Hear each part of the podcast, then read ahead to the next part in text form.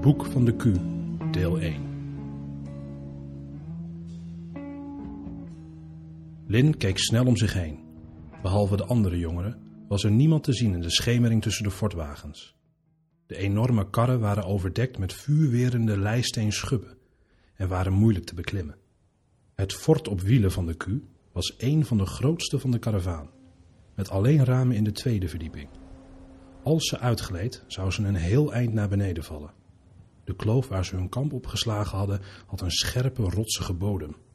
Shu, de zoon van de aanvoerder van de karavaan der lege plaatsen, gebaarde ongeduldig dat ze op moest schieten. Ze kon nu niet meer terug. Haar trots had haar gedwongen deze uitdaging aan te nemen. Lin haalde twee keer snel en diep adem en zette zich toen af. Ze sprintte naar de lijstenen wand, sprong en greep naar boven. Haar vingers grepen de koude, gladde steen van de vensterbank. Direct gleden ze weg en een schicht van schrik schoot door haar heen. Haar blote voeten schopten haar verder omhoog. Ze kreeg alsnog grip en wist zich toch op te trekken. Even hurkte ze hijgend op de rand. Voor haar dreigde de duisternis van de wagen van de Q. Achter haar gaapte de val van twee manlengte tot de rotsige ondergrond. Ze murmelde de ademhalingsregels die de krijgsmeester haar geleerd had en wist de paniekerige spanning onder controle te krijgen. Het voelde verkeerd om de oefeningen van de Q te gebruiken om in zijn wagen in te breken. Ze fronste en drukte dat gevoel weg terwijl ze omlaag keek. De andere jongelingen juichten stilletjes of keken bewonderend naar haar op. Shu gebaarde grijnzend zijn goedkeuring. Ze werd warm en wendde zich snel van hem af. Durfde ze echt naar binnen te klimmen? Ze hadden allemaal de Q zien vertrekken, de nacht in, tegen de rotswand op. Hij was ver weg. En hoe erg was het nou helemaal dat ze naar binnen glipte? Ze zou niets kapot maken of iets ontvreemden, alleen een kijkje nemen. Ze keek even op naar de geringde maan, die half achter de rand van de kloof ver boven haar schuil ging, en glipte toen van de vensterbank af de wagen in. Ze deed een paar stappen opzij over een ruw tapijt dat kriebelde onder haar voeten, voor ze weer hurkte en haar ogen aan het donker liet wennen. Het rook naar wierook, koriander en sisal. Vaag maanlicht filterde naar binnen door de twee ramen. Lin verstijfde en haar ogen sperden zich nog verder open. Midden in de kamer stond iemand. Had de Q haar ontdekt? Ze balde haar vuisten. De figuur was nog groter dan de krijgsmeester. Haar buikspieren verstrakten. Met droge mond probeerde ze te slikken. Het wezen had meer armen dan een Ravana-demon.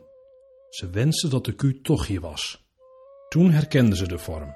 Een zucht van opluchting ontsnapte haar keel. Twee geschilde boomstammen waren vlak naast elkaar aan vloer en plafond vastgemaakt.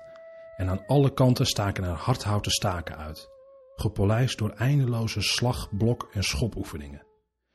In de ruimte op de benedenverdieping, waar zij en de andere jongeren van de karavaan les kregen in de Jinai krijgskunsten, stonden drie kleinere versies van dit trainingsapparaat. Stom dat ze daarvan geschrokken was. Ze was maar wat blij dat Shu en de anderen haar zo niet hadden gezien. Diep ademhalend keek Lin de kamer verder door. In de hoek was het luik en de trap naar de oefenruimte. Net als beneden waren de wanden hier bedekt met repen stof, geweven uit demonenhaar of spinmeiselvezels en versierd met krijgsmantra's. Anders dan de oefenruimte, waar dikke matten lagen, was de vloer hier met allerlei tapijten overdekt. Tegen één wand was een slaapplek ingericht. Naast de ramen waren kasten aan de wand bevestigd en het midden van de kamer werd gedomineerd door een lage tafel voor de dubbele stammen van de trainingsmachine.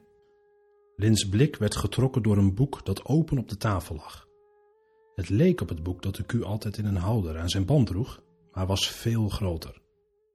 Ze sloop over de tapijten naar de tafel en kneep haar ogen tot spleetjes. De linkerpagina van bruin papier was overdekt met teksten, kleine tekeningen van monsters en krijgsposities. De rechter bestond uit een enkele afbeelding van de Q, die een schop in knielende houding uitvoerde. In de cirkelende en door elkaar glijdende figuren op de achtergrond herkende ze aanwijzingen voor de uitvoering. Gefascineerd puzzelde ze even. Een pentagram om aan te duiden dat het een geschikte techniek tegen magiërs was. Een vogelvorm, om aan te geven dat de schop ook springend uitgevoerd kon worden? Meer kon ze er niet uit opmaken. Het was opeens helemaal donker en Lin keek geschrokken op. Het flauwe maanlicht werd geblokkeerd door de vorm van de krijgsmeester op de vensterbank. Kumar, riep ze geschrokken uit. Ik wilde niet. De ogen van de krijgsmeester brandden rood in zijn kap, waardoor zijn katachtige pupillen nog scherper in haar leken te snijden. Verantwoord je, Lin Sijin, gromde de Q, met je vuisten. Sterretjes van spanning spatten uit elkaar voor Lins ogen, terwijl ze bibberend de gevechtshouding aannam. Kumar Tijin kwam dreigend op haar af.